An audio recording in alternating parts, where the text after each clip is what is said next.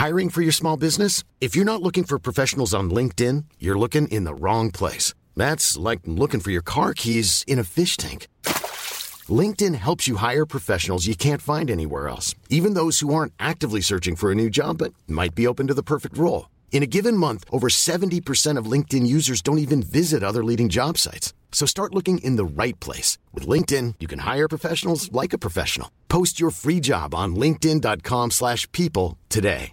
When you're ready to pop the question, the last thing you want to do is second guess the ring. At Bluenile.com, you can design a one-of-a-kind ring with the ease and convenience of shopping online. Choose your diamond and setting. When you find the one, you'll get it delivered right to your door. Go to Bluenile.com and use promo code LISTEN to get $50 off your purchase of $500 or more. That's code LISTEN at Bluenile.com for $50 off your purchase. Bluenile.com code LISTEN. There's never been a faster or easier way to start your weight loss journey than with PlushCare.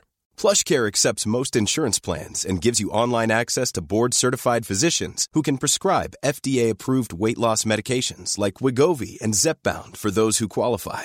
Take charge of your health and speak with a board-certified physician about a weight loss plan that's right for you. Get started today at plushcare.com slash weight loss. That's plushcare.com slash weight loss. plushcare.com slash weightloss.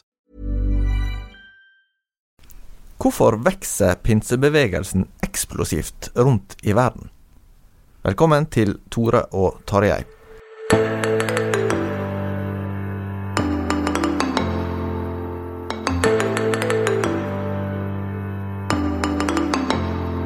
Tarjei Gilje, i dag eh, har vi fått eh, fint besøk. Vi har fått fint besøk, det er jeg veldig glad for. Vi har besøk av Rakel Ystebø Allegre, som er førsteamanuensis i kirkehistorie ved HLT, Høgskole for ledelse og teologi, og undervisningsleder ved Bibelskolen Substans her i Bergen. Hvordan eh, kan to sånne jobber la seg kombinere? Eh, veldig greie arbeidsgivere Ja. som, eh, som tillater pendling og frem og tilbake og hjemmekontor. Så, og veldig meningsfull kombinasjon, det syns jeg. For jeg syns det er viktig både med bibelskole og med høyskole. Så anbefaler folk å gjøre begge deler. Så da er det kjekt å være en del av begge de, begge de verdenene.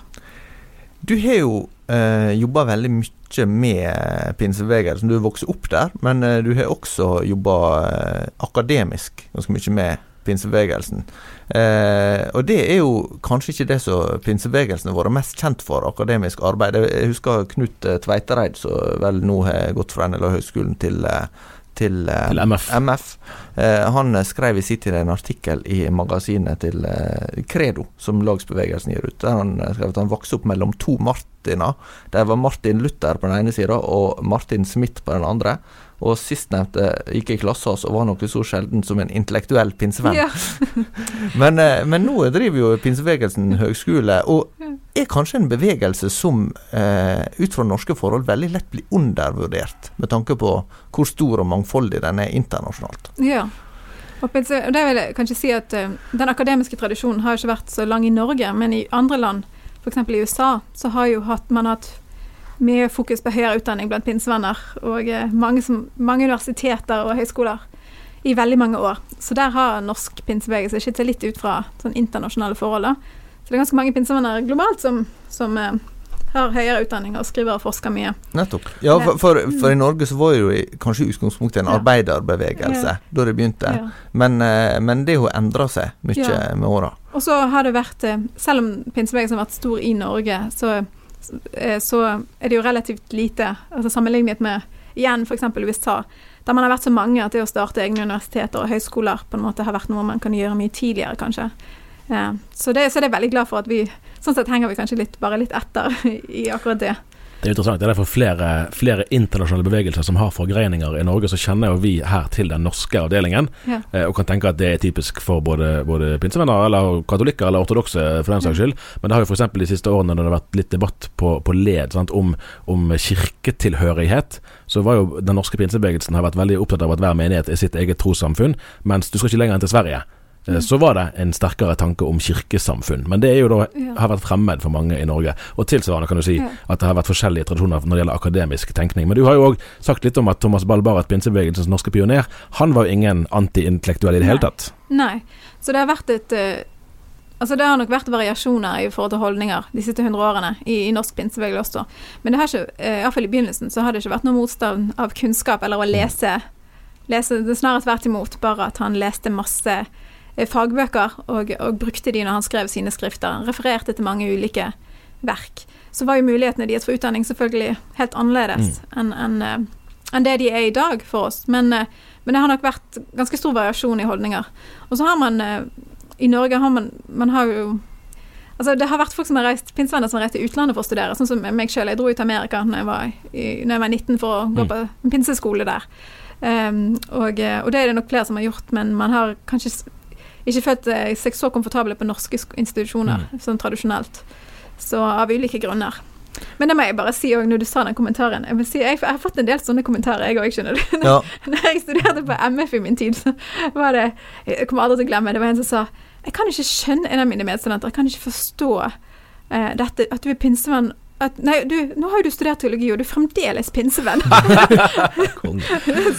Men i, i Norge, så er, som du sier, så er jo pinsebevegelsen en, en betydelig størrelse. i den forstand at det, det er jo en del eh, Altså det er vel det eh, største eh, protestantiske kirkesamfunnet utenfor Den norske kirke. ja. Eh, men likevel, hvis du ser internasjonalt på det, så, så er jo pinsebevegelsen og hele den karismatiske kristne bevegelsen noe som eh, er veldig mye større enn det mange nordmenn tenker over.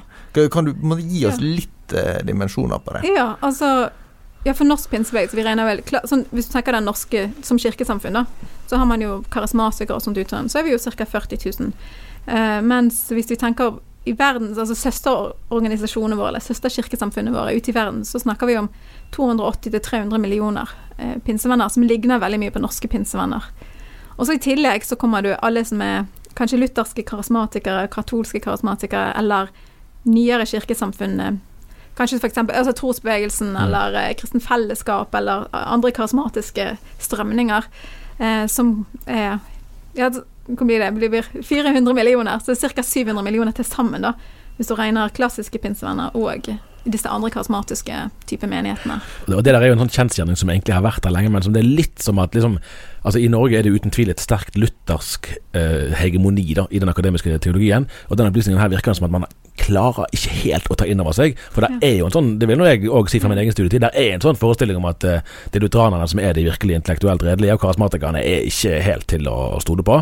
Eh, men så er jo det er mange, det er jo nesten ti ganger så mange flere karismatikere i verden som lutheranere. Ja, jeg tror det er rundt 80 millioner lutheranere, men, men Ja, ja. da er det jo eh, nesten altså 3,7-3,8 millioner i Norge. da. Eh, så, og de fleste av dem er jo ikke klar over at de er lutheranere. Nei, Ja, det men desto verre, da, kan du Ja, si. Sant? ja. Hvis du snakker om at det er 600-700 millioner pinsekarismatikere da, i vid forstand rundt i verden, så er det nok en god del flere av de kanskje da, som er klar over at de er det, for å si det Ja. sånn. Men jeg hadde, altså når jeg studerte teologi i Norge, så var det flere professorer som jeg følte var veldig positive og, og forsto disse tingene, og veldig positive til det at jeg var pinsevenn og sånt, som, som så det som mer verdens, eh, i verdensperspektiv. Men for meg var det i hvert fall veldig interessant å komme til Amerika og til Latin-Amerika, og ikke lenger være på en måte minoritet i kristne sammenhenger, men å være majoritet. Det var det er, en god, det er en god opplevelse å ha vært på begge de sidene, tror jeg. Jeg tror det er bra for oss alle å kunne både være minoritet og majoritet Ja. av og til. Eh, kan du si noe om Altså, du, du er jo eh, også jobber mye med Latin-Amerika, som du sier. Også gift med en fra Argentina. ja. Eh, og har bodd der i flere år. Og det er jo et av de landene der pinsebevegelsen har har vokst mye. Mm. Eh, kan du si noe om hva det er som skjer da? Hva, hva er det som gjør at eh, så mange mennesker slutter seg til pinsebevegelsen i et land som Argentina? Ja, jeg tror um, Det er nok mange forskjellige grunner til det. Eh, Men um, uh, en ting Kanskje vi skal helt tilbake er kanskje det med pinsebevegelsens struktur, eller når, når misjonærene drar ut. Man har jo et veldig stort fokus på misjon. Uh, og eh, pinsebevegelsen har hatt en veldig enkel struktur i forhold til hvem som kan bli pastorer og forkynnere og evangelister. Altså man dro ut, og så når folk var blitt frelst, da kunne man egentlig bare Altså man kunne bli pastor dagen etterpå. Så man har strukturer som gjør at det er enkelt å ekspandere. Fordi at man kunne sende folk ut som evangelister og forkynnere. eh, uten- mens andre kirkesamfunn gjerne skulle Man må gjennom en lang pastor- eller presteutdanning før man kan ta den rollen. Så, så sånne eh, Så det Mens pinsebevegelsen Hvis du var frelst og Den hellige ånd utrustet deg, så var det bare å gå i tro, og så og med misjonæren og med alle sin velsignelse. Sant? Fordi at det var Den hellige ånd som utrustet deg. Så hvis du hadde Bibelen og Den hellige ånd, så, eh, så, Mm. så, så kunne mye skje. Så det, det at, at bevegelsen har spredt seg på den måten at det har vært kanskje små begynnelser med misjonærer, men så har på en måte lokalbefolkningen de har vært de som har drevet det, og det ser vi overalt. At det er de som har drevet det fram. at eh, i- For eksempel i Brasil var det to svenske misjonærer som dro og, og, eh, og startet det som er Assemblies of God i Brasil. Jeg tror det, jeg tror det er snakk om 20 millioner medlemmer. Jeg er ikke helt sikker på det tallet, men så, vi hadde sånne små begynnelser fordi det spredte seg på den måten. Så jeg tror det er en faktor. at Det har vært en veldig sånn god struktur. Men det andre jeg tenker er det viktigste, er jo dette med, med innholdet i, det, i pinsebudskapet som treffer folk eh, over hele verden. da. Det at, at, Gud, kan, eh, at Gud kan gripe inn, og at det, det er kraft i evangeliet og til å snu p- og Gud kan hjelpe deg ut av en vanskelig livssituasjon eller i dine, dine daglige problemer.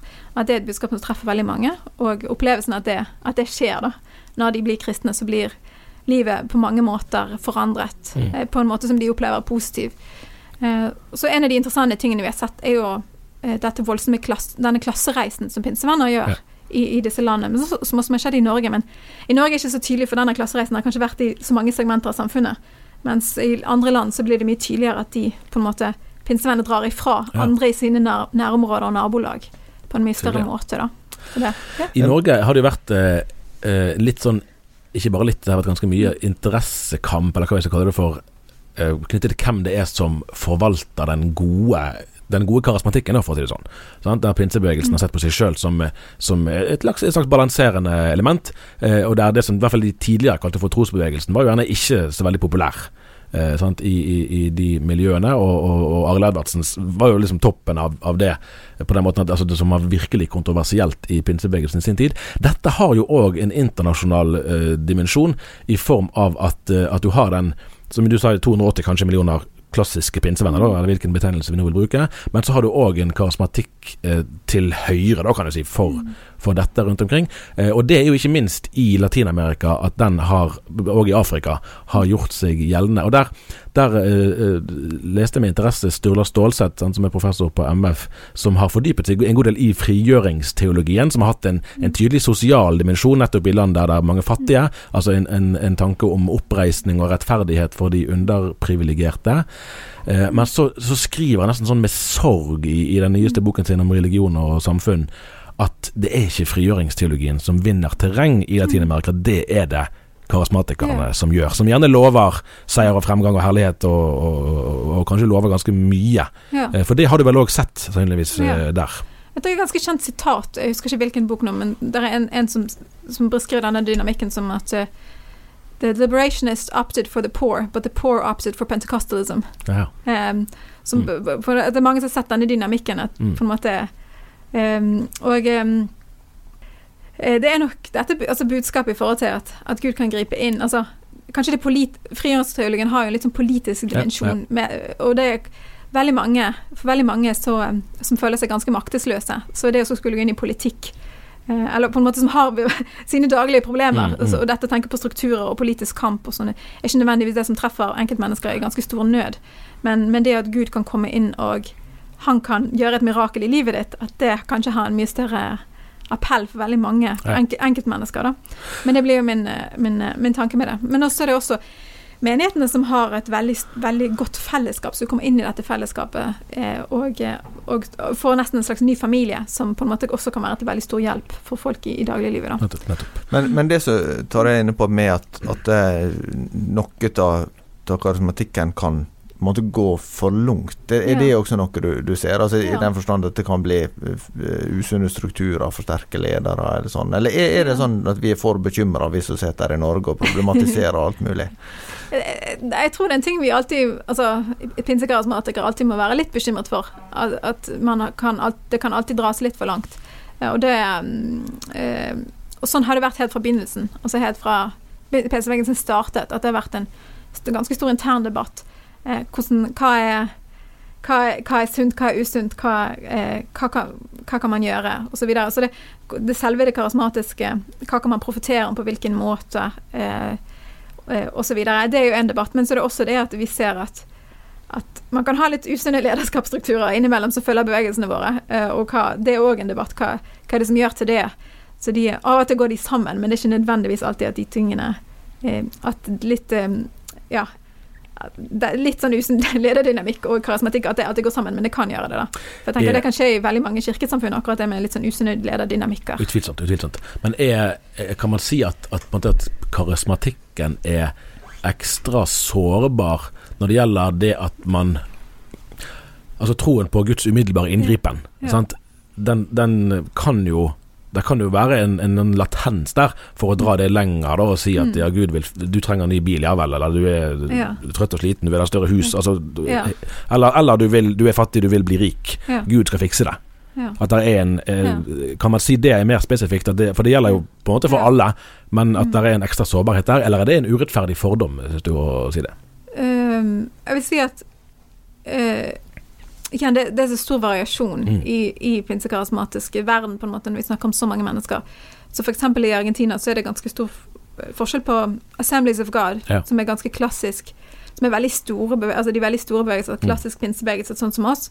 Eh, men eh, og eksempel La, La Iglesia Universal de Dios, som er den brasilianske, Ja. litt mer sånn em, litt mer sånn eh, eh, framgangs- eller Mm, mm. prosperity gospel, Mm. eh, som, som eh, legger mer fokus på sånne ting. Ja. Så der kan det være ganske stor intern uenighet. da. Så det er vanskelig å snakke om kanskje om eh, Ja, men, men i, i det karismatiske det kan jeg være helt med på at det kan oppstå sånn At det, det finnes den tendensen alltid. Og den, har, Mm. den tror jeg alltid har fantes der, Ja. til, til å på en måte Ja, Gud kan oppfylle alle dine ønsker. Mm. Men jeg tror ikke den ligger så veldig mye i klassisk pinsebevegelse, da. I Norge, eh, vi snakket om det i sted, at, at pinsebevegelsen i Norge Jeg vil ikke riktig si at det var en arbeiderbevegelse, men det er ikke helt feil å si det heller. Mm. At det var tette bånd der. Eh, jeg har blitt litt forundret når jeg har For når jeg, når jeg spør pinsepastorer og pinsevenner nå, eh, ikke minst fra Sørlandet, der som de båndene var historisk tette, så er det nesten umulig å Jeg finner ingen spor av det. Altså Det kan være enkeltpersoner, men den liksom kollektive tilslutningen der, den virker å ha smuldret bort. Mm. Kjenner du igjen det bildet? Jeg tror det kanskje varierer litt, også, men jeg tror det har med norske samfunn å gjøre også. Mm. Og så tror jeg òg det at, det at, um, at når en, en vekkelse eller bevegelse oppstår blant arbeidere, så er jo terskelen mye lavere for andre. Mm. Men ettersom pinsevenner generelt har beveget seg inn i middelklassen, eh, i både, både i Norge og andre land, at, at, du inn, at for hver generasjon på en måte så, så blir terskelen kanskje høyere. Og det syns jeg er veldig trist hvis det blir Mm. sånn. Fordi at pinsebevegelsen skal jo være, eller har jo skulle vært der som det har vært lett å komme til. Ja. Eh, og og vi har, det har jo vært så lenge. Altså, F.eks. rusmisbrukere og Ja. andre, at det skal være lav terskel hos oss. Og det håper jo jeg at det fortsatt kan være, at Ja. ikke det blir sånn. Og eventuelt hvem som fyller det rommet, hvis, det, hvis ikke det Mm. er sånn. Men det er jo sånn sett eh, kanskje eh, ikke, ikke så rart at det er pinsebevegelsen som driver evangeliesenteret, Ja. eksempel. Altså det, det er jo noe med, Ja. med den nærheten Og det, det tror jeg er veldig bra for pinsebevegelsen. Ja. Når, når, eh, når Lisa Ludvig startet Evangeliesenteret. Mm. For, å, ja, for jeg, jeg mener jo det at vi skal være en sånn bevegelse Mm. som, er, Mm. som er der for, for andre, an, Som har lav terskel. Eh, så, I alle samfunnslag, da. Så ja, det er røttene våre. Men det er sånn som skjer med nesten samtlige bevegelser. Altså vekkelsesbevegelser, metodismen og Frelsesarmeen kanskje. Altså alle til en viss grad. Det begynner som vekkelser blant arbeidere, og så får man denne klassereisen. Og så hvordan klarer man å bevare, bevare det fokuset på, på å nå ut der som kanskje ikke alle andre når ut. Mm.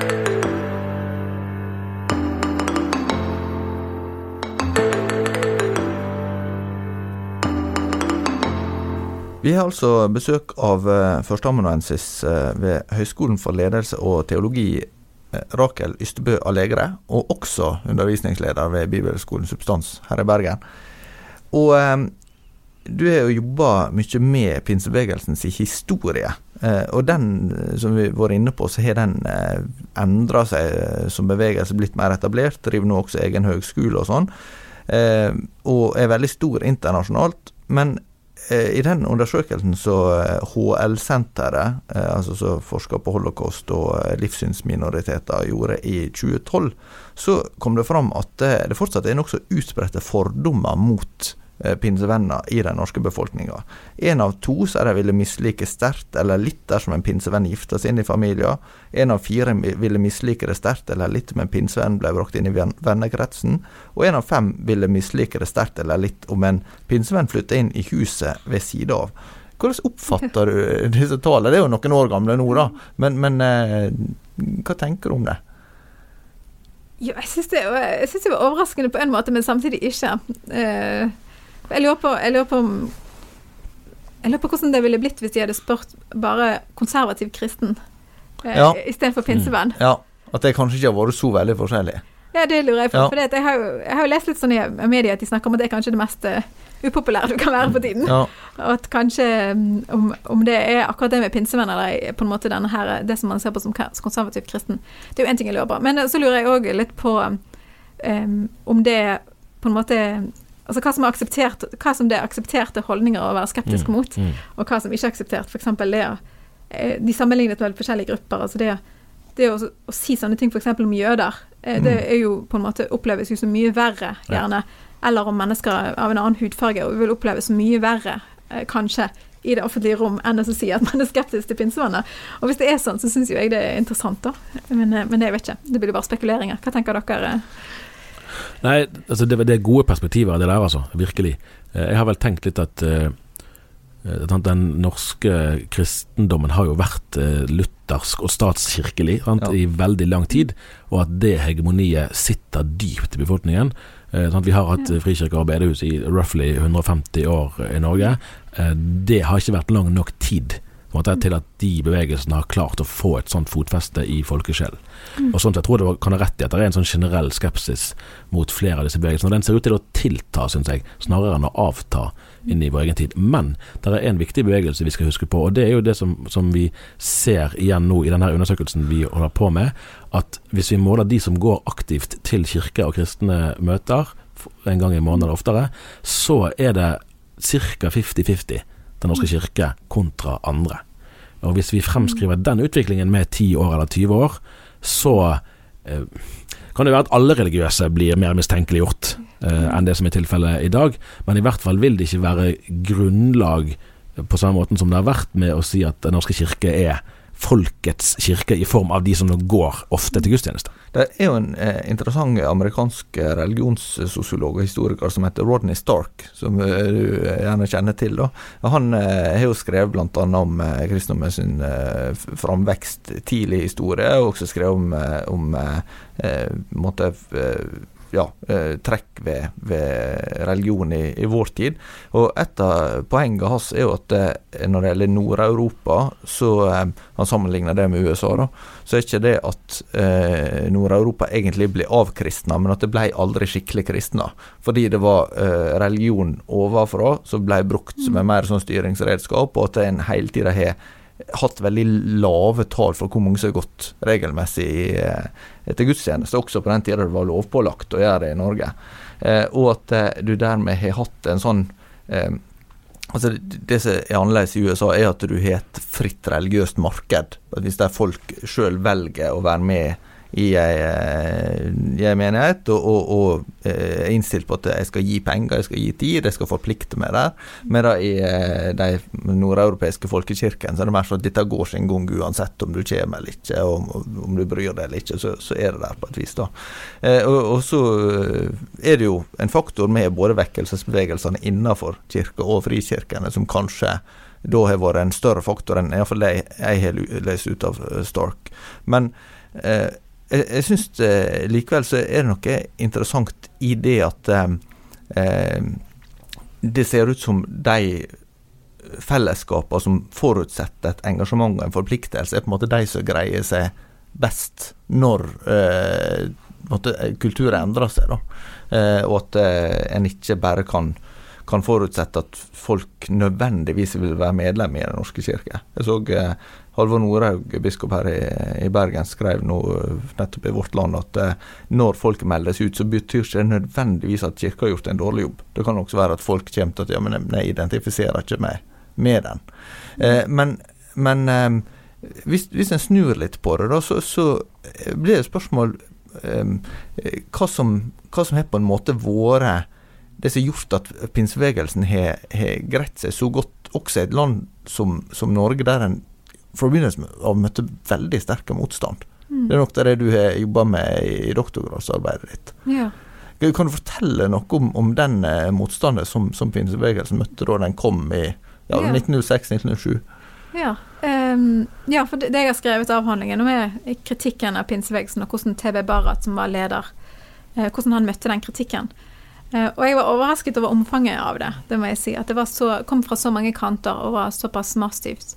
Eh, og for eksempel det, det var noen egentlig ganske små møter. At jeg at det kom i Aftenposten med en gang. Ja. At, folk, at journalister kom på disse relativt små møtene og så skrev om hva som skjedde.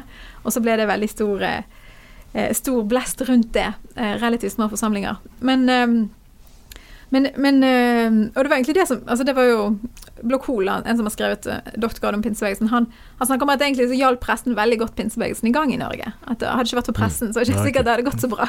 Så all, all PR er god PR på et vis. Men, eh, eh, men, men det mm, At det var så mange som hev seg på denne kritikken, det var jo litt interessant. For det begynte jo med media, eh, som snakket om hysteri og om galskap og sier ting som at det var som i Frelsesarmeens verste dager. Altså, de så det gjerne i en sånn vekkelsesperspektiv. Altså at ville gjerne vært kritisk til alle typer vekkelser. Og, og så og så på grunnlag av det som mange leste i avisene, så var det jo noen som kom til pinsemøter, men det var òg mange som på en måte bare gjorde seg opp en mening ut fra det de leste i avisen, av både kristne og andre. Eh, veldig, mye, veldig mange gjorde opp seg en mening ut ifra rapporter fra journalister. Eh, og eh, Så da hadde du, eh, du hadde journalister som var kritiske, men så hadde du også etter hvert så eh, hang det seg på teologer, både konservative og liberale. Eh, de konserv mange konservative de var bare i utgangspunktet skeptiske til at nådegave fantes i dag. Altså De tenkte at nådegavenes tid er forbi, det var bare for Bibelen. Mens liberale teologer, sånn som Lyda Brun, ganske kjent, eh, han, han tenkte ja, dette, er sikkert, dette er bibelsk, det er bare helt Altså unyttig. Det er primitiv religion. Det er sikkert det samme som Bibelen, men eh, det er ikke noe vi ønsker. Så du hadde det fra teologene, og så kom religionspsykologene og psykiaterne og mente at dette var tegn på mental sykdom. Eh, rett og slett på galskap. Og mange som spekulerte om, om, eh, om man ikke egentlig burde tvangsinnlegge noen av disse pinsevenner. Og det var noen som ble lagt inn til observasjon. Eh, ikke nødvendigvis på tvang med frivillig, men observere om de var sine fulle fem. Og så og så kom det flere og flere, på en måte, og, og på en måte det som begynte som egentlig små avisnotiser, det på en måte ballet på seg og fikk veldig mye oppmerksomhet. Og ble tatt opp i Stortinget, og man burde gripe inn, faktisk, mot pinsebevegelsen. Eh, Ja, Det er noe ganske ja, fascinerende, noe ganske fascinerende her i at, i at altså dette er en bevegelse som, som ble oppfattet som nokså voldsom, sant? Ja. eller eh, ekstatisk nærmest i sitt, i sitt uttrykk.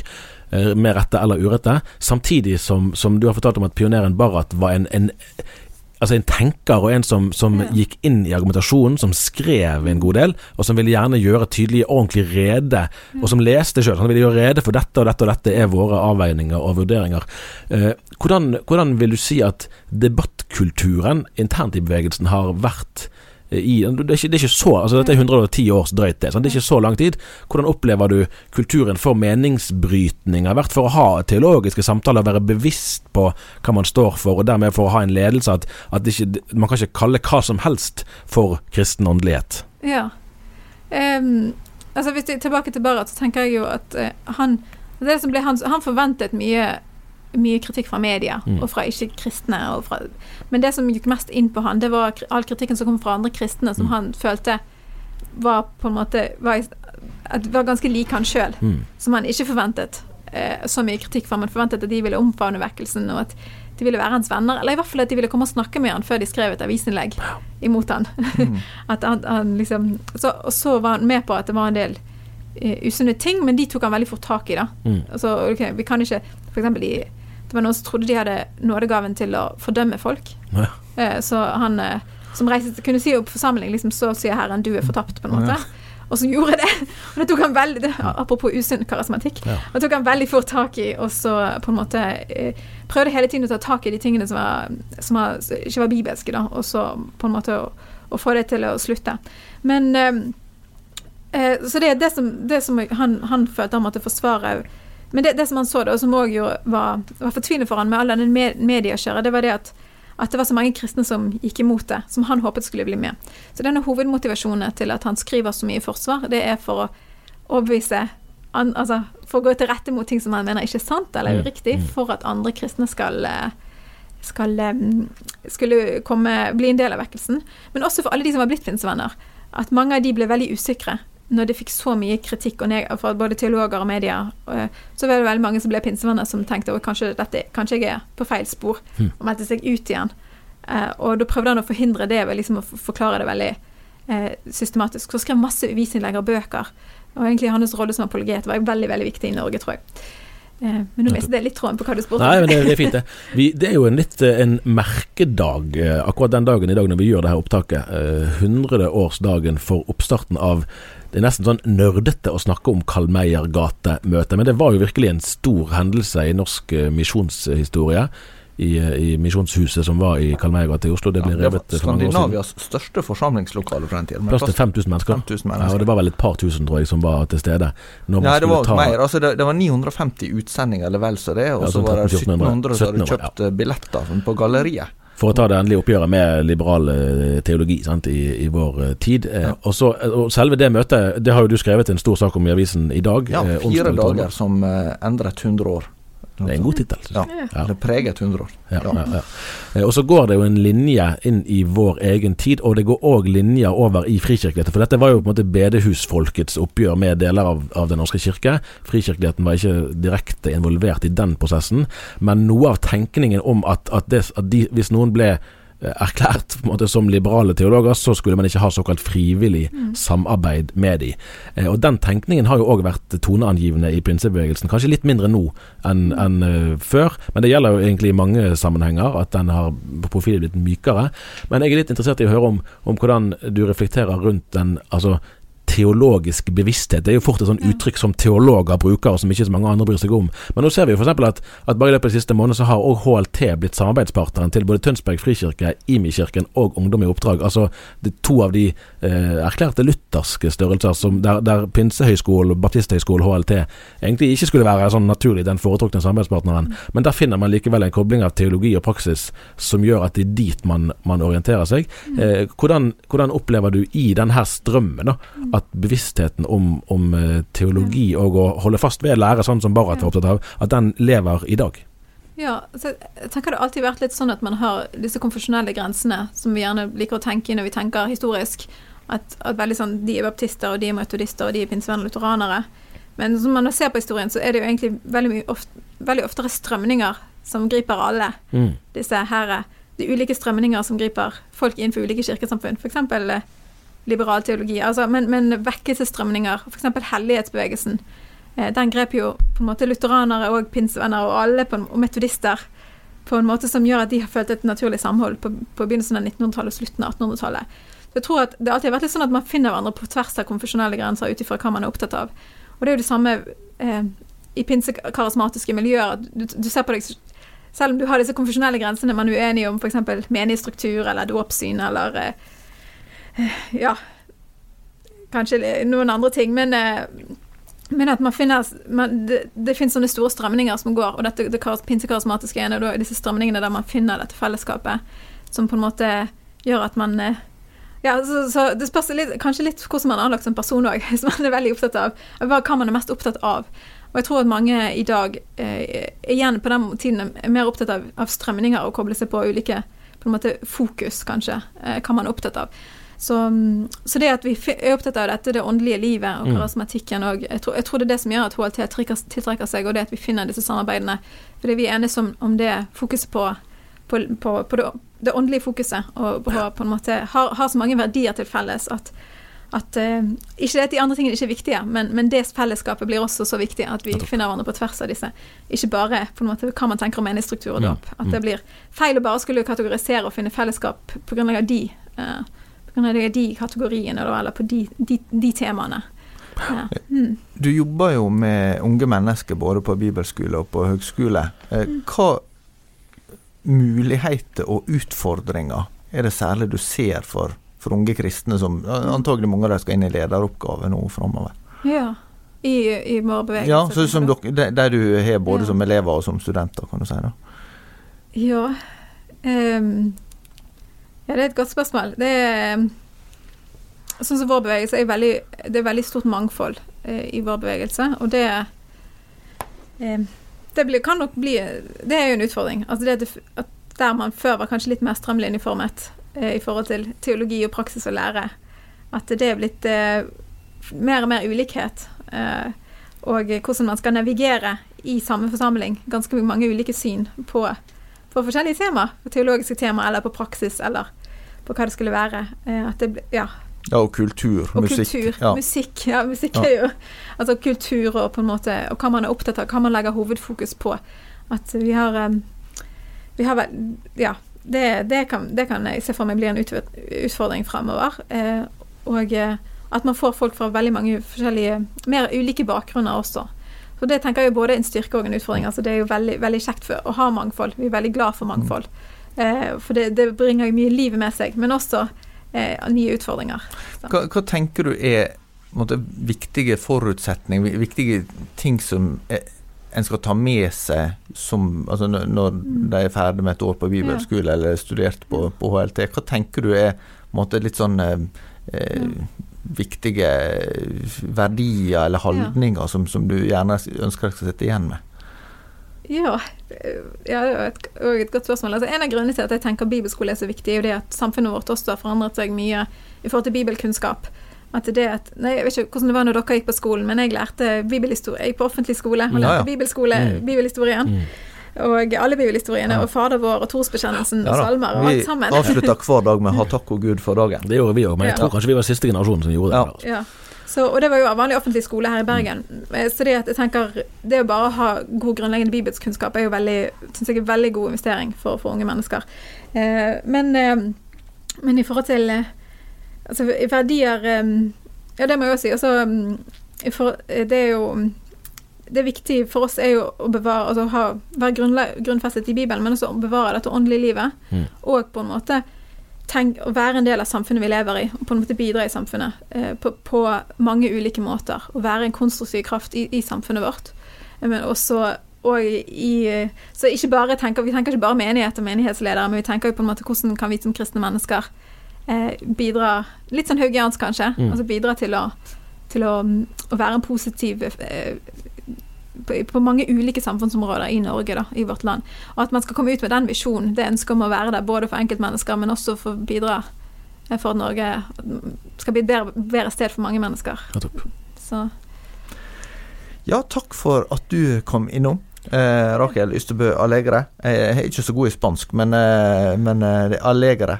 Ja, Eller- ja. det betyr glad. Det betyr Oi, glad. Ja, det var jo fint. Det er jo ellers det å si at nå er det tre uker igjen til eh, pinselederne samles til led på eh, Oslofjord Convention Center. Jeg har fra ganske sikre kilder i pinsebevegelsen at de kommer ikke til å boikotte det arrangørstedet. Det regner jeg ikke med. Det, det var en større debatt som vi sikkert eh, kommer tilbake igjen til. Eh, men tusen takk for at du kom. Og eh, vi eh, satser på å være tilbake neste uke. Har du tilbakemelding, eh, tips eller andre ting, så bare ta kontakt med oss på tarjei1dagen.no. Og kan også sende til tore1dagen.no hvis du foretrekker det. Ha det godt.